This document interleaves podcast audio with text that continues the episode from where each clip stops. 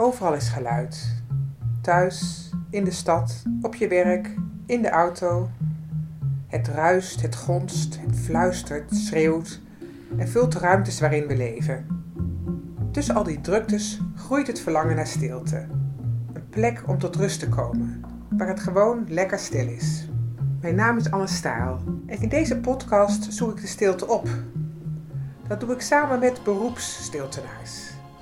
Dat zijn mensen die manieren hebben gevonden om stilte te creëren op onverwachte en soms zelfs chaotische plekken. Samen tasten we de grenzen van de stilte af. Waarom doen we zo moeilijk of juist zo makkelijk over stilte? Hoe kan je stilte verkopen? En zijn we eigenlijk op zoek naar stilte om ons heen of stilte in onszelf? Eén ding is zeker: geen enkele stilte is hetzelfde. Dat hoor je in het uur stilte dat ik op al die plekken heb opgenomen.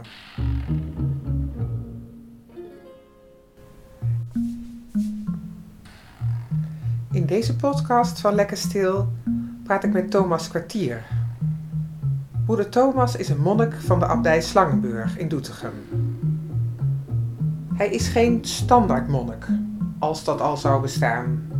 Hij is meer een soort ambassadeur van het kloosterleven.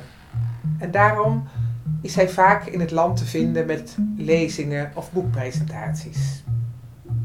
Voor hem is de abdij dé plek om met stilte te spelen. Dit is een laboratorium van de stilte, met stilte-experimenten. En dat is niet zomaar iets.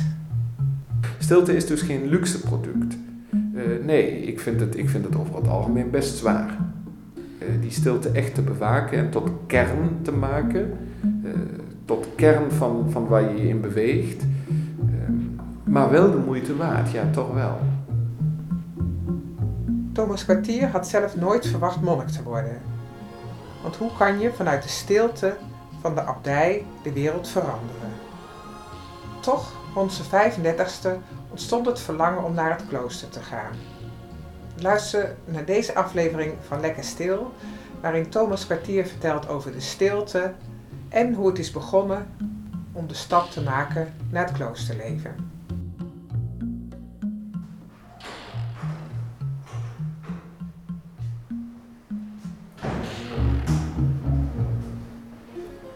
Kijk, ik ben uh, misschien wel het uh, klassieke voorbeeld van wat je tegenwoordig een midlife crisis noemt, die, die op een gegeven moment probeerde daaraan te beantwoorden door zijn roeping te ontdekken. Dus ik ben al heel lang op universiteiten werkzaam. Ik ben theologie gaan studeren in, in, aan de Universiteit van Nijmegen. Nou, en zoals het dan soms gaat, dan zit je leven wel in de lift en, en, en, allemaal carrière. Dus ik was nog niet afgestudeerd en ik had een baan als onderzoeker. Ik had mijn dissertatie nog niet klaar en ik werd vast aangesteld op de universiteit en reisde van de ene conferentie naar de andere. En uh, op een gegeven moment, ja, dacht ik, ik kan dit wel tot mijn 65ste blijven doen. Maar, uh, maar dan mis ik toch iets. Ik mis, ik mis wie ik eigenlijk ben. En, uh, en toen ben ik op een gegeven moment min of meer toevallig in een klooster terechtgekomen. En wel in dit klooster waar we ons nu bevinden. Dus Slangenburg, Willibrordsplein, Doetinchem. Um, ik ben hier komen kijken. Ik ben in de kapel gekomen in onze kloosterkerk. En ja, je zou bijna kunnen zeggen, ik ben er nooit meer weggegaan. Dus um, ik, raakte daar op de een of andere manier verliefd op. Ik was toen, uh, toen een jaar of 35, daarom zeg ik de midlife crisis. Uh, ja, ik, ik noem het dan toch liever roeping. Dat klinkt net iets positiever dan het woord midlife crisis. Maar ik denk dat het een met het ander te maken heeft. Want roeping dat kan op ieder moment en altijd gebeuren. Alleen moet je er open voor staan. Je moet er oren voor hebben. Ja, en hier had ik dat op de een of andere manier. Ja, en dat, dat heeft alles ook dan met stilte te maken. Dus, uh, nou, ik ben dat uh, gaan, gaan beleven. Ik ben die stilte hier gaan beleven. Eerst af en toe in de kerkdiensten. Uh, in het officie van ons Benedictijnen. Ik ben dus Benedictijner monnik vandaag. Nou, tien jaar geleden was ik dat nog absoluut niet. Toen moest er, was er ook geen haar op mijn hoofd wat daaraan moest denken. Dat ik op een gegeven moment, tien jaar later, hier met, met een zwart habit aan de hele dag rond zou lopen. Nee, dus daar moest ik echt niet aan denken. En toch, uh, heeft die, die lege plek, die stille ruimte mij niet losgelaten. Dus ik kwam, merkte dat ik, als ik hier naar de Vespers kwam, het avondgebed, hè, dat, ik, dat ik er toch al vanuit mijn thuisplaats een half uurtje eerder hier naartoe gereden kwam. Ja, puur om er te zitten. Uh, ja, iets wat van, van nature helemaal niet bij mij past. Want ik ben eigenlijk helemaal geen stil type, in tegendeel. Ik ben een uh, impulsief, energiek, stuiterbalachtig type. En uh, ja, ik dacht, wat is dat nou toch? Nou, zo ging het balletje maar door, dus ik, ik ging steeds vaker komen. Ik kwam ook als gast hier in huis. De Benedictijnen hebben als, uh, niet als service, maar als een van de kerneigenschappen van hun spiritualiteit gastvrijheid. Nou, daar maakte ik dus gretig gebruik van. Ik was hier regelmatig, steeds vaker. Die frequentie, frequentie die, die nam alsmaar toe. Wel, en, uh, en op een gegeven moment merkte ik dat ik, uh, dat ik hier echt wel heel vaak was. Uh, echt, ik had hier ook al een vaste kamer dan. Ja, dat gaat zo stapje bij stapje, soms zonder dat je er erg in hebt. En, en toen dacht ik, ja, eigenlijk, eigenlijk ben ik helemaal niet meer de universiteitshoogleraar die hier af en toe de stilte in wil duiken. Maar voor mij bleek het omgekeerd te zijn. Uh, nee, ik ben, ik ben monnik en hoogleraar zijn, dat is mijn ambacht. Nou, en dat klinkt alsof het bijna hetzelfde is. En toch is dat een, is dat een, ja, een Copernicaanse ommekeer, zou je kunnen zeggen. Dus ik ben in de stilte gaan wonen. En vanuit die stilte ga ik daarop uit. Uh, nou, ik geef iets van 80 publiekslezingen per jaar naast mijn colleges. Uh, ik, geef, uh, ik schrijf boeken. Nou, daar heb je, kom je met heel veel mensen in contact. Maar wonen doe ik in de stilte. En dat, is, dat was een proces, dus dat heeft jarenlang geduurd. Dus als je mij vandaag zou vragen wie ben je, dan is mijn eerste antwoord ik ben monnik. Ja, ik ben monnik. En vanuit dat in de stilte wonen, um, doe ik van alles. Uh, er zijn vrienden van mij die zeggen, je bent sinds je monnik zijn bijna nog, nog, nog hyperactiever geworden dan voorheen. Uh, ja, van de buitenkant is dat misschien ook wel zo, maar, uh, maar voor mij voelt dat dus niet zo. Nou ja, dat is de grote kracht van, van een stilteplek als een klooster. Ja, en, en, en vanuit die stilteplek, dat kan je oneindig veel.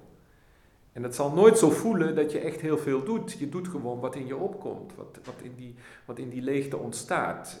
Nou, voor mij is dat schrijven, leraar zijn, in de, in, de, in de bijbelse zin bijna van het woord. Uh, maar, ook, maar ook peetoom zijn, vriend zijn, al die dingen, dat komt er allemaal. Mantelzorger zijn voor mijn moeder, ik ben enig kind, dus dat is, heb ik lang gedaan en ben ik nog steeds mee actief. Maar ja, die ommekeer, dat is eigenlijk wat ik vandaag ben. En je zou bijna kunnen zeggen, ik ben een beetje op dat breukvlak tussen die stilte en de, de bedrijvige wereld, op dat breukvlak blijven hangen. ja, zoiets toch wel, ja. Maar, maar ja, dat is ook zo. Dat breukvlak vind ik ook ontzettend ontzettend stimulerend, maar mijn thuis is de stilte. Ja, en, en, en wat is voor jou dan in de stilte wonen? Want het is niet hier achter de muren of in het klooster altijd helemaal stil. Nee. Nee, het is ook niet in mij altijd helemaal stil. Het is. Um, kijk, in de stilte wonen betekent voor mij dat je tijd en ruimte moet maken waar het wel helemaal stil is. Dat is belangrijk, dat is ook typisch voor onze spiritualiteit als Benedictijn. Heel kenmerkend. De kloosterklok, uh, die is onverbiddelijk. Dus als die om tien voor vijf gaat, dan zit ik op mijn cel, op mijn kamer, zit ik net achter de computer een hoofdstuk af te schrijven voor een boek. Uh, het komt mij nooit uit als die gaat, want ik ben net al met zo belangrijke dingen bezig. Dan is het fysiek misschien wel stil, je hoort niks, maar in mijn hoofd is het helemaal niet stil. Dan ben je bezig met je briljante ideeën en zo. Nou, uh, nou tien voor vijf, eerste, eerste bel. Dan heb je dus nog tien minuten. Uh, dan begin je wat nerveus op je stoel heen en weer te schuiven. En dan, dan, ja, dan denk je snel, snel opschrijven. En dan gaat het al helemaal niet meer. Vijf voor vijf, tweede bel. Dan moet je dus ook echt weg. Want in de regel van Benedictus staat dat je op het moment dat de bel gaat, alles uit handen moet laten vallen. En je moet haasten richting gebedsruimte, dus richting kloosterkerk. Uh, wel, zegt hij, niet te snel rennen, uh, want dan zou je de lachlust op kunnen wekken en dat is niet goed. Nou, nou ja, als je iemand in een habit ziet rennen, oogt dat inderdaad ook heel vreemd, denk ik. gelukkig is dit alleen maar een luisterprogramma, dan hoef ik het nou niet voor te doen. Ik, ik denk iedere keer, goh, vasthouden. Uh, straks als ik terugkom, zo'n vesperdienst die duurt een half uur, dan schrijf ik het snel op. En het is altijd weg. Uh, altijd. Ik heb nog nooit meegemaakt dat je één op één weer begint achter je computer dan voorheen. Maar je bent wel rijker, je bent vrij.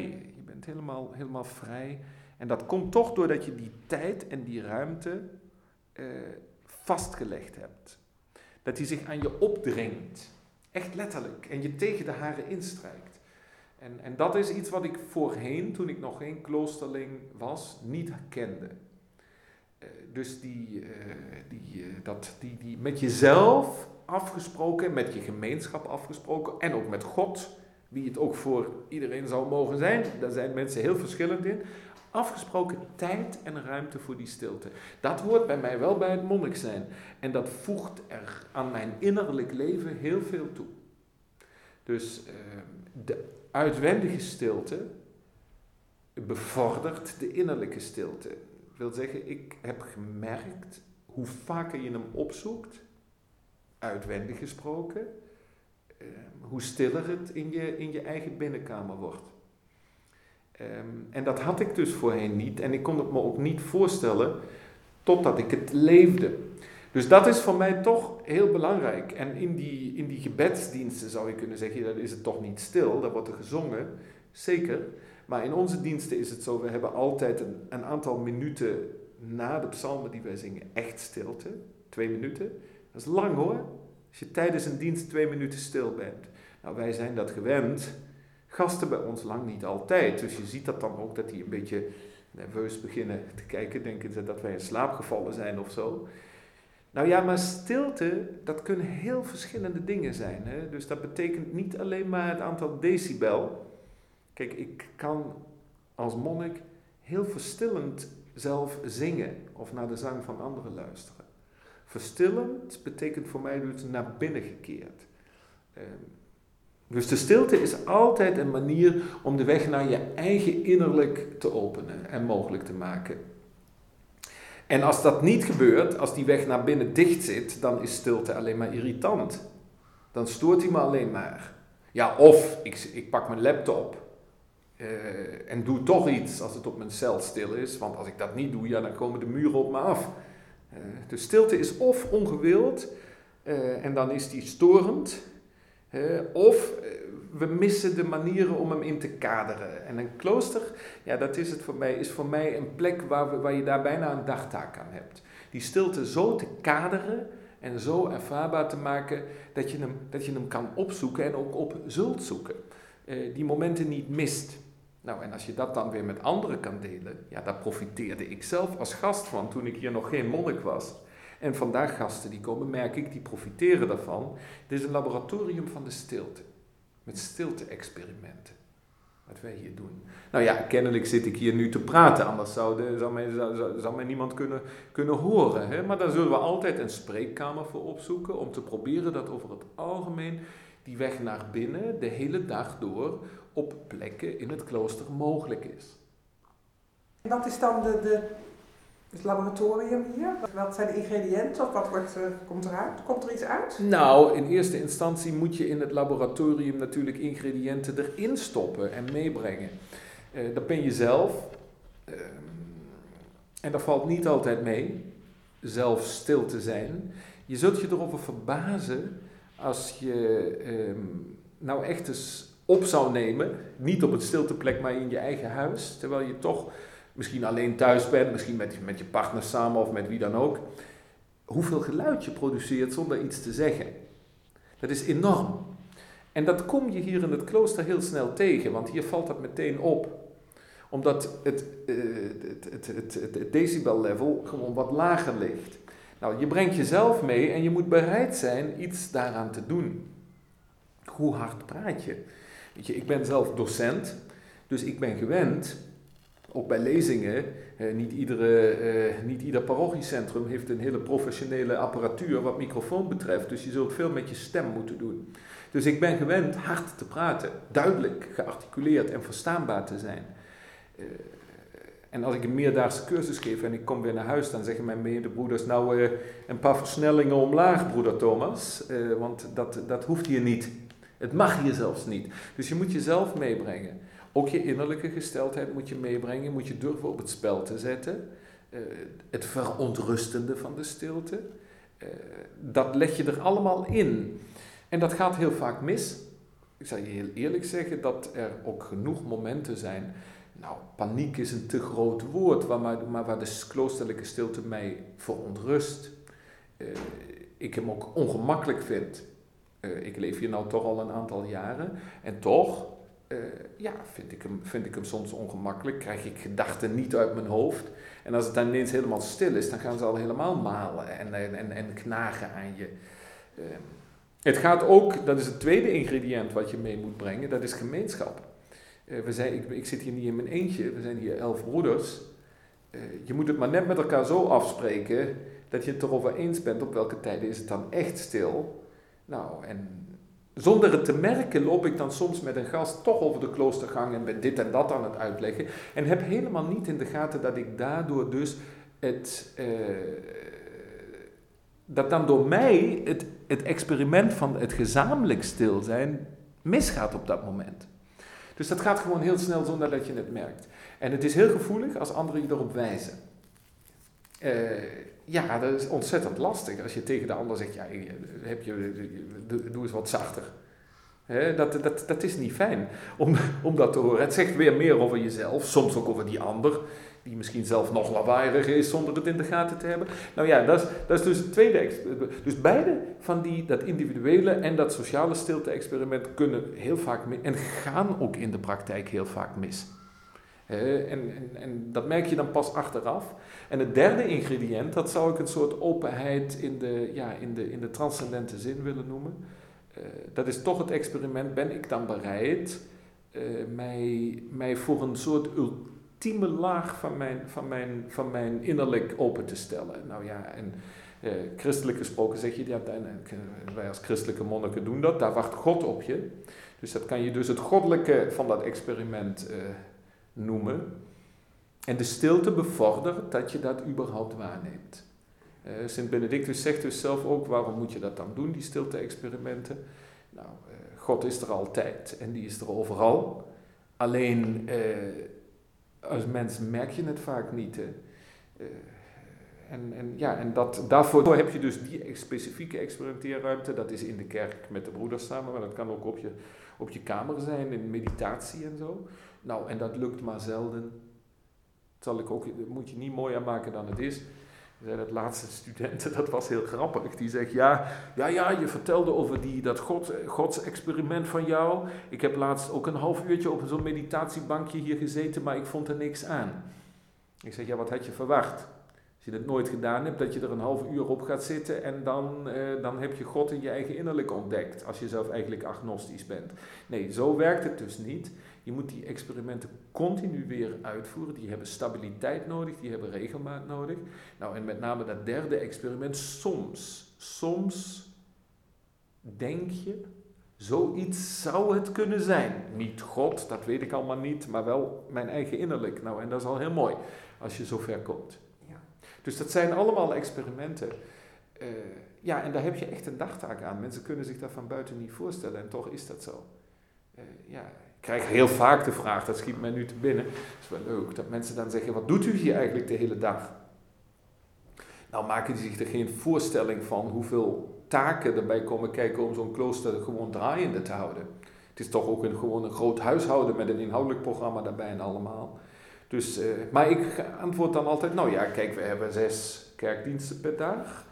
Dat is al drie uur, een half uurtje pauze, hè? mogen we er toch ook wel bij rekenen. Dat is dus al een halve baan bidden. En dan zeggen zeg je die mensen, ik merk dan hoe ze een beetje nerveus daarvan worden. Ik vind dat dan leuk. En, ik denk, en dan zeggen ze, nee, eh, wij bedoelen, wat doet u nou echt? En dan merk je hoe onwennig het is dat het experimenteren met de stilte, dat je daar een dagtaak aan kan, kan hebben. Maar ik vind het een verantwoordelijkheid ook voor de samenleving dat, je, dat, je, dat, dat er mensen zijn die zich geroepen voelen om die dagtaak te vervullen. Uh, bij wijze van spreken een soort medewerkers van dat laboratorium te zijn. Uh, hoeders van de stilte heb ik het ook wel eens genoemd. Dus mensen die dat bewaken. Die ook gasten die dan al te lawaaierig door onze gangen lopen erop wijzen. Te zeggen nee, en kijk, u mag overal met elkaar praten, allemaal prima. We zijn ook hele gezellige mensen, maar niet hier. Dus dat is, een, dat is best een zware taak en je zult jezelf daar altijd weer in tegenkomen. Stilte is dus geen luxe product. Uh, nee, ik vind, het, ik vind het over het algemeen best zwaar. Uh, die stilte echt te bewaken en tot kern te maken. Uh, tot kern van, van waar je je in beweegt. Ehm, maar wel de moeite waard, ja, toch wel. En, en is het ook, heeft het ook iets radicaals? Ik denk, voor de stilte als levensvorm te kiezen is het meest radicale wat je kan doen. Omdat het namelijk niet de natuurlijke gesteldheid van zeker niet ons huidige mensen is. Ik zou niet durven zeggen van de mensen in het algemeen. Kijk, mensen veranderen daar natuurlijk ook in. Maar onze huidige tijd is. Uh, wij zijn er niet aan gewend om stil te zijn.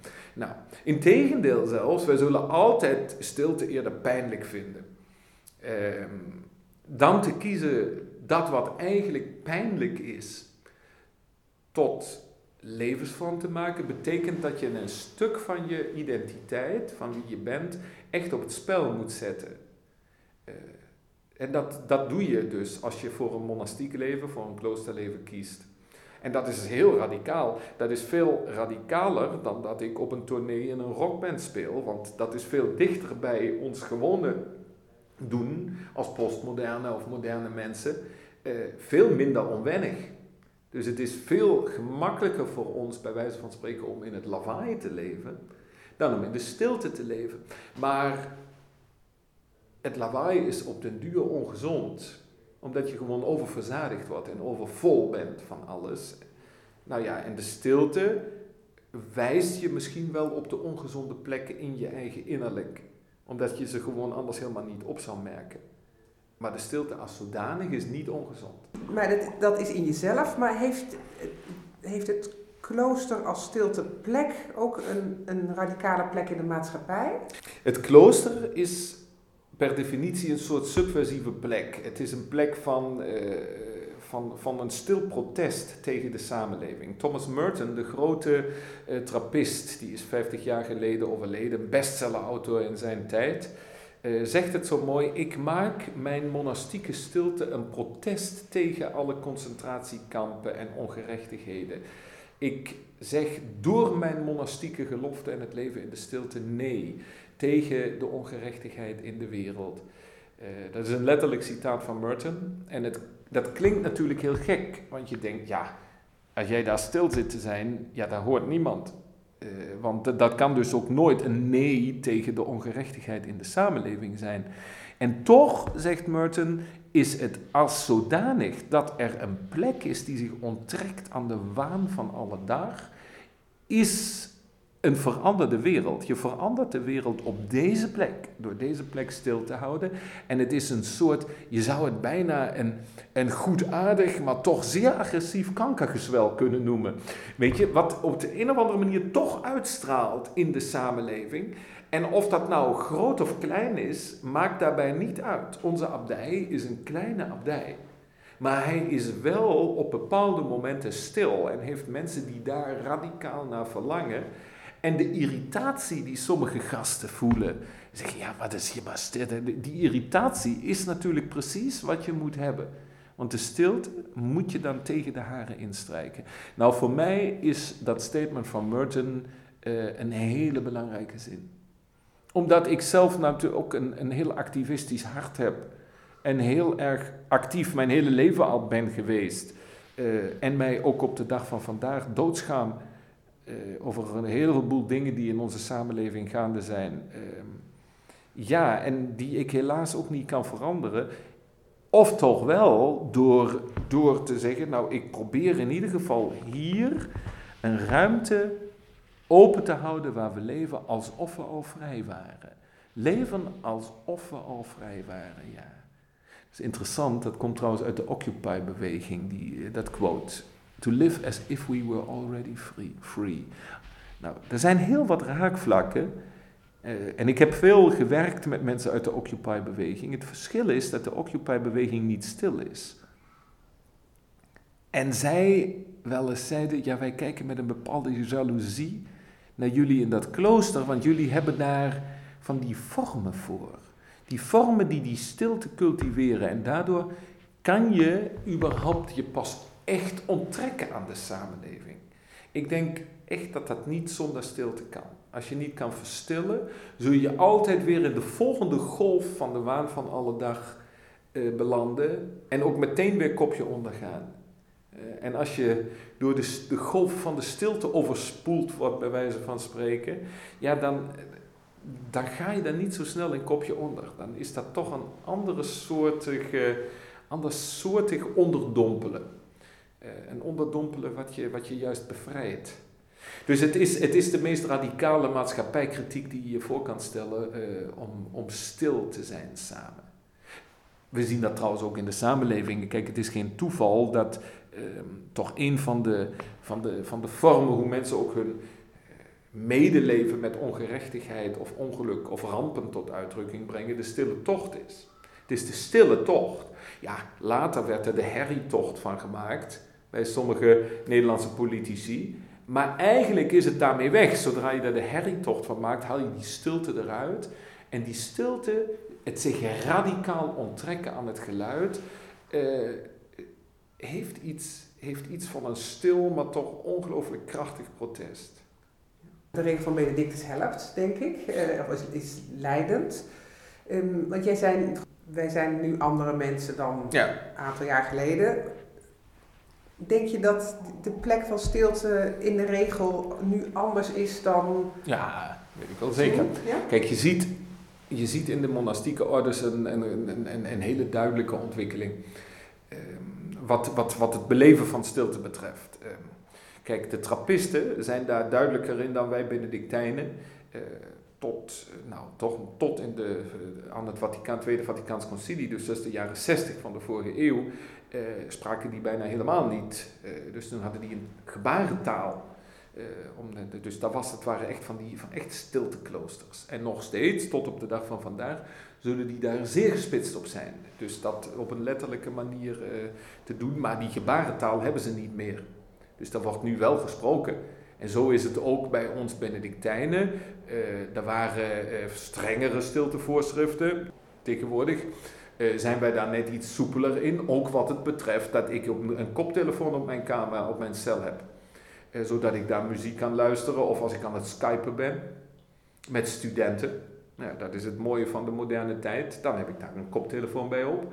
En dat gaat prima. Hè? Dus wat wij wel proberen is stilte uh, bijvoorbeeld na de complete. De complete is de laatste kerkdienst. Uh, die is om half negen, die is om kwart voor negen af. Daarna gaan wij echt naar onze cel de stilte in. En daar zijn wij heel strikt in, in onze abdij. Andere kloosters doen dat anders. Daar wordt ook wel eens na de complete nog uh, met groepen gasten bij elkaar gezeten en zo. Dat zal bij ons ondenkbaar zijn. Dus wij proberen dat echt, echt strikt vast te houden. Dus je ziet hier een beetje dat je aan de ene kant met de tijd moet gaan en aan de andere kant wel veilig moet stellen dat je genoeg van de oude wijsheid die in zo'n regel van Benedictus staat wel vasthoudt.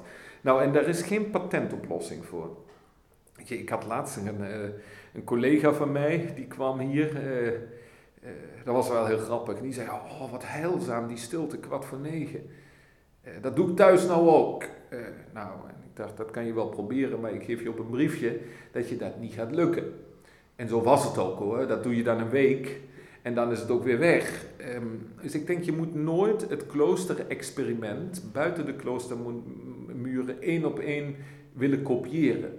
Net zoals ik, monnik vandaag, niet de leefwijze van een monnik uit de middeleeuwen moet kopiëren. Ja, dat gaat niet. Dus je moet altijd zelf de afweging maken en de keuze maken. Hoe, hoe krijg ik het voor mekaar dat ik wel genoeg van die stilte, experimenteer, ruimte en tijd veilig stel? Ja, ik, voor mij werkt het zo, uh, het is een soort, een soort ondergrens uh, die je moet stellen. En ik denk dat dat voor ieder mens geldt. Dus veilig te stellen dat je in ieder geval iets met jezelf, met je dierbaren en met God afspreekt, wat je minimaal iedere dag doet. Uh, dat is geen keurslijf, maar dat is juist een bevrijding. En als het een keurslijf wordt, dan moet je het opnieuw bekijken. Misschien moet je het dan anders invullen. Uh, maar die ondergrens is heel belangrijk, want eer je het weet, als je die niet hebt, dan, dan is het sowieso al binnen de kortste keren weer helemaal weg. Uh, kijk, ik ben relatief veel op reis, doordat ik taken buitenshuis heb, lezingen moet geven, colleges moet geven enzovoort ik merk vrij snel, als, als ik die ondergrens van mijzelf niet in acht neem, die ik hier in de abdij echt mijn stilte tijd beleef, eh, dat ik daar onrustiger van word. Ja, en die ondergrens is voor mij eh, dat ik dus altijd de ochtend hier in stilte moet beleven. Inclusief die kerkdiensten waar wij wel zingen, maar dat introverte zingen van monniken is voor mij verstillend. Dat hoort voor mij bij de stilte. Als ik die ochtend hier niet beleef, dan begint de dag voor mij niet goed. Uh, en, als dat en af en toe gebeurt dat, als je nou echt een ver verder op reis bent. Maar dat mag niet te lang duren. Uh, nee, dan, dan werkt, werkt het niet goed. Uh, dus die ochtenden zijn voor mij, is voor mij de stilte tijd par excellence. Heel belangrijk. En, en, en door die dan hier wel te kunnen beleven, eh, kom je ook in een, in, een, in, een, in, een, in een goed ritme voor de dag. Eh, weet je, want ik ben de, de, de, dag lang door, ik ben eigenlijk altijd met alle mogelijke dingen bezig. De hele dag. En, uh, dus ik ben, ik ben van nature niet zo'n niet zo'n stilte, uh, niet zo'n stilte type. Nee, helemaal niet. Maar ja, kijk, je hebt mensen die zijn bij wijze van spreken al verstild op de wereld gekomen. Die schreeuwden als baby al fluisterend. Nou, die vind je ook in kloosters, een heleboel. Wij hebben ze ook en die doen het prima. Fantastische mensen, geweldig. Dat is een soort unisono van de stilte. Die waren al stil en hier kunnen ze dat een plek geven. Maar je hebt ook anderen die net iets op een uh, hartiger en maar, ook luidruchtiger zijn. Ja, en voor die is de stilte dan misschien wel een contrapunt.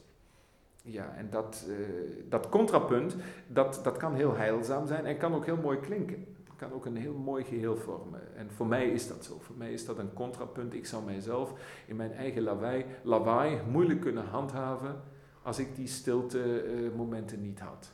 Ja, dus dat is ook de reden dat ik zelfs als ik in Oostende uh, met een lezing klaar ben en zelfs om één uur s'nachts dan nog drie uur naar huis zal rijden, om die ochtend van stilte hier te kunnen beleven. En bij ons is het zo, dus wij komen, een van de mooiste momenten hoor, prachtige momenten zijn dat. Uh, je komt ochtends de kerk binnen en wij beginnen relatief laat, om kwart over zes. Nou, zorg dat je er ietsjes eerder bent, dan is het dus echt stil. Echt stil. En uh, nou, daar spreekt niemand, wij hebben de eerste dienst met ook stilte momenten erin. En je gaat dan gewoon weer terug naar de stilte, want dat is eigenlijk nog in de nacht. Dus die stilte is de nacht. Je komt voor de tweede kerkdienst, de Louden, die is om half acht. En pas na die Louden eh, wordt er weer eens een woord gesproken onder elkaar. Maar dan liever niet op de gang, maar ga elders heen. Ga ergens rustig zitten en probeer daar eh, op, een, op een wat gedempte toon met elkaar te spreken. Want eh, als je de ander maar niet stoort, daar gaat het namelijk om. Ook dat staat in de regel van Benedictus, als je maar niet de anderen stoort. Ja, en dat zijn hele dierbare momenten. Geworden hoor, geworden. Want eer je het weet, heb je er geen erg in. Ja. Kijk, gasten voelen dat meestal pas na een paar dagen aan. Dat duurt eventjes. En als je hier smiddags gasten in de kerk hebt, en ik zit soms al ietsjes eerder in de kerk, dan kijk je vanuit de koorbank, want die zitten gewoon de hele tijd te fluisteren. Nou, als nou iets de stilte verstoort, is het fluisteren. Eh, dat is het ergste wat je kan doen. Ik ben dan geneigd als monnik te zeggen: praat nou maar gewoon hardop, dan kan ik het tenminste ook verstaan wat u zegt.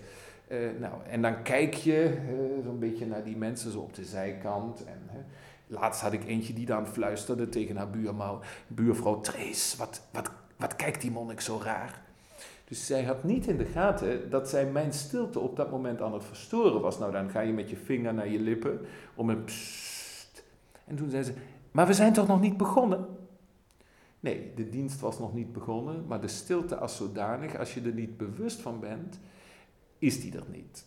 Um, heel belangrijk. En een klooster had die vanzelfsprekende stilteuitstraling. Ik merk dat dat minder wordt. Dus dat je dus gasten hebt die hier komen die dat niet aanvoelen. Nou, dat, uh, dat kan. Dat is, ik heb er verder ook geen mening over of geen oordeel over. Maar het is wel een teken aan de wand dat stilte, de behoefte aan stilteplekken alleen maar groter aan het worden is. Omdat mensen die van nature helemaal niet meer herkennen. Ik denk dat is de kracht van een abdij. Dat er op de een of andere manier toch een aura van stilte hangt. En daar moet je waakzaam voor zijn. En wij als monniken, wij hebben daar een dagtaak aan. Dus wij doen niet anders dan te proberen uit te stralen dat je kan leven vanuit de stilte. Ja, niet de hele dag op je knieën zitten en niks zeggen. Nee, leven vanuit de stilte. Uh, ja, en je bent dan hoeders van dat experiment, van dat laboratorium, hoeders van de stilte. Ja, dat is een prachtige, prachtige taak. Uh, nou, laten, ik ben dankbaar dat deze abdij er, dat, er is. En voor mij vandaag als monnik, maar vroeger ook al als gast, daar, daar, daar ruimte voor biedt. Kijk, ik zou willen dat, dat er veel meer kloosters waren. En dan bedoel ik klooster niet alleen maar in de zin van dat er stichtingen moeten zijn waar monniken leven. Nee, maar in die symbolische zin. Kijk, klooster betekent namelijk letterlijk een afgesloten plek. Een afgesloten plek die totaal anders is dan, dan de omgeving die, eh, waar, die, die, die, waar die zich in bevindt. Maar daar wel een soort hybride kloostermuur heeft, eh, een soort wisselwerking. Nou, ik denk bijvoorbeeld aan stilteplekken die op de meest turbulente uh, plekken kunnen zijn van de samenleving. Nou, een klooster wat mij het meest geraakt heeft in deze is een, is een klein, klein clubje zusters. Die zitten in Bethlehem, tussen Bethlehem en Jeruzalem, aan, pal aan de muur die daar gebouwd is. Je zou kunnen zeggen in het oog van de storm. Er zijn mensen die daar de hele dag met machinegeweren langslopen, zoals overal daar in Israël. Nou, eh, daar kan je politiek van vinden wat je wil, maar dat is de realiteit. Eh, toen ik ze bezocht, schreeuwt iemand daar naar mij, go back. Vond dus dat het klooster van de Benedictinessen die daar wonen niet te bezoeken zou zijn. Je komt daar binnen en het is een radicaal andere wereld. Het is stil. Ja, stil, zodat je niet vergeet wat er buiten gebeurt, maar je wel midden in die tumult toch die weg naar binnen kan bewandelen. En dat vind ik ontzettend indrukwekkend als je dat lukt. En in het klein, dat bedoel ik met te zeggen, dat soort kloosters, dat soort, zouden er veel meer moeten zijn, is dat in heel veel situaties van belang. En zou ieder mens dat in zijn eigen leven moeten hebben op de een of andere manier de plek waar je in het oog van de storm toch kan verstillen. En ik weet van gasten hier bij ons in het klooster dat mensen dat ook wel degelijk zoeken en ook hebben. Eh, dat kunnen ze persoonlijk vormgeven. Eh, veel mensen hebben ergens in hun, in hun huis een stilteplekje waar, je waar ze gaan zitten dagelijks. Of ze hebben dus letterlijk een klooster wat ze regelmatig bezoeken. Of een kerkgebouw, of een stiltecentrum. Nou, wat het ook mogen zijn. Maar de ervaring leert dus dat die plekken allemaal onder vuur staan. Aan de ene kant groeit het besef dat stilte belangrijk is. We zien dat daarin dat ons aantal gasten hier in het klooster heel erg toeneemt. En vrijwel iedereen de stilte als een van de belangrijkste dingen aangeeft die ze zoeken. Uh, maar tegelijkertijd is de efficiëntie die zo'n plek moet hebben, uh, buiten uh, een, Benedictijnen orde zoals wij zijn, of andere orders uiteraard, is die efficiëntie zo sterk, die, drang, die dwang daartoe, dat je bijna niet meer in staat bent dat in de lucht te houden. Ik kan je er nog een ander voorbeeld bij geven. Denk aan kerkgebouwen. Kerkgebouwen worden bijna overal gesloten. Nou, het, het enorme belang van kerkgebouwen die open zijn, moet je nooit onderschatten. Want ieder kerkgebouw kan in dat opzicht een symbolisch klooster zijn, waar mensen even binnen kunnen, even kunnen verstillen. Uh, en dat is bijna niet meer te doen. Het is ook gewoon niet meer te financieren. Dus niemand sluit kerkgebouwen, ook vanuit bisdommen of kerken of wat het ook mogen zijn, omdat ze denken, of we willen liever geen kerkgebouwen, maar simpelweg omdat het onmogelijk is. En dat is een, dat is een ontwikkeling waar je goed moet weten wat je dan doet uh, als samenleving. De gezondheidszorg is een ander voorbeeld. Stiltecentra uh, staan heel vaak ter discussie vanwege de kosten. Het zijn dure vierkante meters. wij kunnen ons als klooster hier um, de luxe permitteren En daar zijn we ons heel goed van bewust, bewust dat dat ook een luxe situatie is, ons hier helemaal toe te leggen op die stilte. Nou ja, en wij hopen daardoor toch ook mensen te bemoedigen om een soort, je zou bij mij kunnen zeggen, een soort netwerk van stiltekiemcellen te laten ontstaan in de samenleving. Van satellieten rondom zo'n abdij en heel veel andere uh, prachtige stilteplekken heen. Ja, dat, dat is toch een beetje mijn hoop. Dat je, en daardoor, daardoor, daardoor verander je de wereld. Daardoor maak je echt de realiteit anders. Uh, ja, niet doordat wij hier alleen maar in de achterhoek met een beetje naar elkaar zitten te zwijgen. Maar als dat nou uitstraalt en als daardoor een soort, ja, bij wijze van spreken, een soort aura van de stilte ontstaat over een groter gebied heen, dan vind ik dat een revolutie van de stilte. Uh, stilte heeft voor mij per definitie iets heiligs. Als het, als het echt verstillende stilte is en niet, niet, uh, niet bedreigende stilte. Uh, als het je lukt echt stil te zijn, dan is dat een heel wonderbaarlijk iets. Dan, uh, dan zul je dat ook letterlijk aan de lijve ervaren. En dat zijn maar enkele momenten. Zelfs binnen een klooster is het maar af en toe dat je daar zit en je denkt: hé, hey, hey, het is echt stil. Het is echt stil. Nou, dat heeft voor mij per definitie dus ja, iets heiligs. Dus daarom is overal waar het echt stil is, daar gebruik ik ook het woord God voor. En ook naar gasten toe die helemaal niet gelovig zijn, die agnostisch zijn of wat dan ook. Dus ik vind dat allemaal prima. Ik zeg, als je een ander woord weet wat beter is, graag, maar voor, ik weet het niet. Dus voor mij is dat woord God precies de uitdrukking van dat wonder. Die verborgen, stille aanwezigheid van een, van een wonder. Ja, waar je je verlangen echt voelt. Ja, en God, dat is het open einde daarvan. Dus als je dat verlangen in die stilte echt kan waarnemen, echt kan waarnemen, dan, dan is dat open einde daarvan, hoort daar wezenlijk bij. Eh, het open einde, ook de breukvlakken van je eigen bestaan. Ja, als je daar niet stil in jezelf maakt, dan, dan dekken we die allemaal toe. Dan maken we dat allemaal een beetje gladjes, want we vinden dat fijner. Hè? We hebben liever wellness dan dat iets een beetje broos is of een beetje, of een beetje, ja, ook een beetje uh, stroef is of zo. En stilte kan heel stroef zijn. En de stroefheden in je leven tot uitdrukking brengen. En dat vind ik, dat vind ik uh, ja, je zou het bijna een soort godsbewijs kunnen noemen, dat mensen daartoe in staat zijn. Maar voordat luisteraars nou boos worden en zeggen dat is toch helemaal geen bewijs, nou vergeef het dan uh, mij dat uh, het bewijs in het kader van een stilte-experiment natuurlijk nooit het karakter van, van andere experimenten en de daar geldige bewijzen kan hebben. Hoeft ook helemaal niet. Nog iets over het klooster? Uh, ons klooster, dat is de Willibrodsabdij, is uh, meteen na de Tweede Wereldoorlog gesticht. Uh, hij ligt hier in het, in het bos, een oud landgoed Slangenburg. Dat is op zich een omgeving die al heel veel met stilte te maken heeft. Want het bos, denken veel mensen, het is stil. Maar als je hier s'nachts de oren opent, dan merk je dat dat helemaal niet zo is. Het bos leeft s'nachts. Dus je hoort, je hoort uilen die aan het schreeuwen. Je hoort, uh, hè, we hebben soms reeën die bij ons onder het raam komen. Nou, als die door, uh, door, door de bomen heen lopen, dan, uh, dan maken die geluid.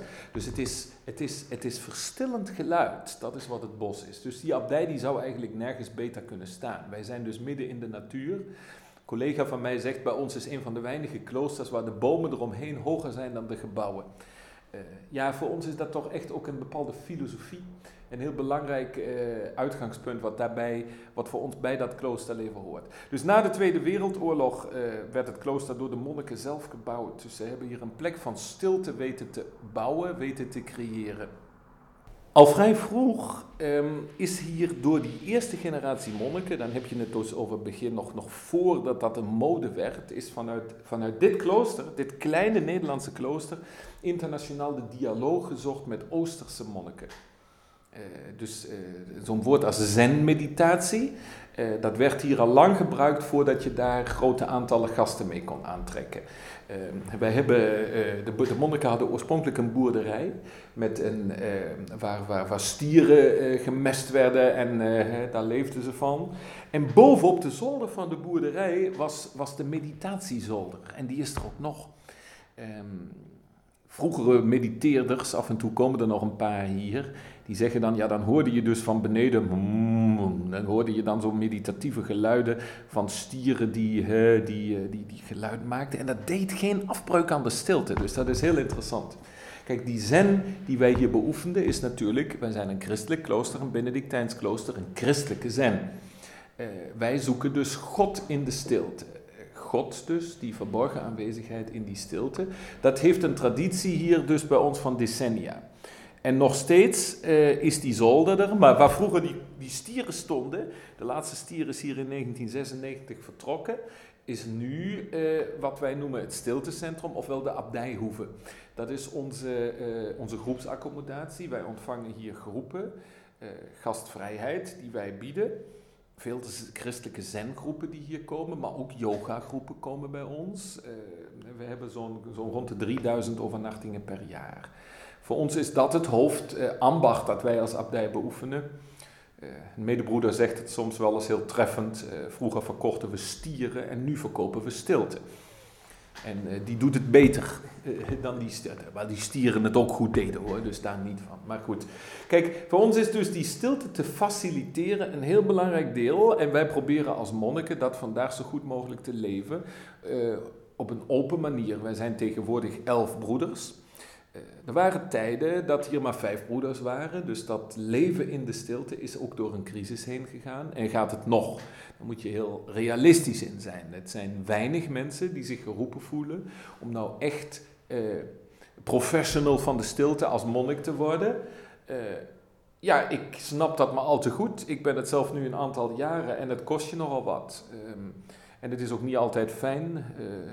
alle gasten die bij ons komen, dus om nou niemand af te schrikken, zeg ik maar meteen, alle gasten die bij ons komen vinden het heel fijn. En je denkt dan in je eigen stille binnenkamer, nou doe het maar eens een maand. Uh, dan kijk je er anders tegenaan. Het, het is gewoon, het vraagt heel veel. Uh, maar, maar je krijgt er natuurlijk ook weer heel veel van terug. Maar ja, eh, in welke levensvorm is dat niet? Dus dat is altijd zo. Um, wat ons dan weer daarvan onderscheidt hier als monniken, is dat wij hier in een hele lange traditie staan. En dat voelt voor ons ook wel heel goed. Uh, dat onderscheidt ons ook van moderne spirituele trends. Uh, kijk, uh, dat gevoel van uh, je, je, je zet een soort traditie voort die, die, die, die continu doorgegaan is. ja, dat, dat, dat is één heel belangrijke pool. Dus bij wijze van spreken die spirituele, die spirituele stilte ondertoon door de hele geschiedenis heen, ja, dat, ja die, die voor te kunnen zetten, ja, dat, dat, dat heeft iets heel verhevens ja, de realiteit is dan vaak natuurlijk veel minder verheven dan je het van de buitenkant graag zou willen. En toch, ja, en toch. Dus dat voor te zetten. Um, dus onze abdij is op dit moment uh, met elf monniken niet slecht. Uh, er waren er vijf. Dus uh, in die zin doen we het niet slecht, maar je moet er altijd, altijd zeer bescheiden bij blijven. En, maar ja, ik zeg ook wel eens, ook al waren we hier met z'n drieën ehm, het zal me in zekere zin een zorg zijn, want ik zou daar niks anders doen dan wat ik nu ook doe. Eh, dus de stilte moet je altijd in, op de eerste plaats in je eigen innerlijk zoeken. En als je dat dan met mensen kan delen, is dat heel mooi. Dat is, en, en als je dat ook nog eens een keer met mensen kan delen die hetzelfde zoeken als jij, God zoeken, zegt Benedictus, dan is dat nog mooier. Maar of dat er nou dertig of drie zijn, ja, nou, uh, dat is een kwestie van Godvertrouwen om het daar gewoon mee te doen. Het daar gewoon mee te doen. Um, tuurlijk, als mensen zich nou geroepen voelen om hier in te treden, dan zijn we allemaal heel blij. Uh, maar je moet mensen nooit die stilte intrekken. Zodra je iemand hier in het klooster zou willen proberen te trekken, en dat werd een tijd lang geprobeerd, maar meestal werd dan al vrij snel duidelijk, dat gaat hem niet worden, want iemand is daar niet toe geroepen. Als de stilte als zodanig die persoon niet trekt, uh, ja, dan moet je, hoef je het ook helemaal niet te proberen. En zo is het ook voor gasten. Als je iemand hier aan probeert te lokken, dat werkt niet. Wij zullen ook geen advertenties plaatsen in grote kranten of zo. Nee, de stilte als zodanig moet trekken. En als ik bijvoorbeeld zelf veel werk buitenshuis doe en het zichtbaar probeer te maken, dan is dat geen reclamepraatje, hoop ik. Maar dan, dan hoop je alleen dat mensen het waarnemen, dat het er überhaupt is. Ja, als, het dan, als ze zich daardoor aangetrokken voelen, fijn. En als niet, ja, dan is het ook goed. Dan is het ook goed, ja. Dus dan is het klooster de afgesloten plek die er altijd is, waar je ook op aan kan. Als je het een keer moeilijk in je leven hebt en je wil echte stilte in, dan is het er. En daar maken we werk van. Uh, en als dat pas over tien jaar is, dan hoop ik dat we er dan nog altijd zijn. Je hebt geluisterd naar het interview met Thomas Kwartier voor de podcast Lekker Stil. Hij is Benedictijner monnik in de Willy Borders abdij in Doetinchem. Natuurlijk heb ik op deze plek ook een uur stilte opgenomen. Die hoor je in een andere aflevering van Lekker Stil. Heb je meer behoefte aan stilte? Er vallen nog veel meer unieke stiltes te beluisteren. Laat me je bijvoorbeeld meenemen naar de stilte van het vliegveld Schiphol, of van een trappistenklooster, of de stiltecoupé. Daarnaast vind je in deze podcast van Lekker Stil bijzondere verhalen over stiltelaboratoria, zoektochten, het ritme van stilte en de pracht van de ochtendstilte. Verrassend hoe stilte mensen kan verrijken. Je vindt het allemaal in deze podcast-app.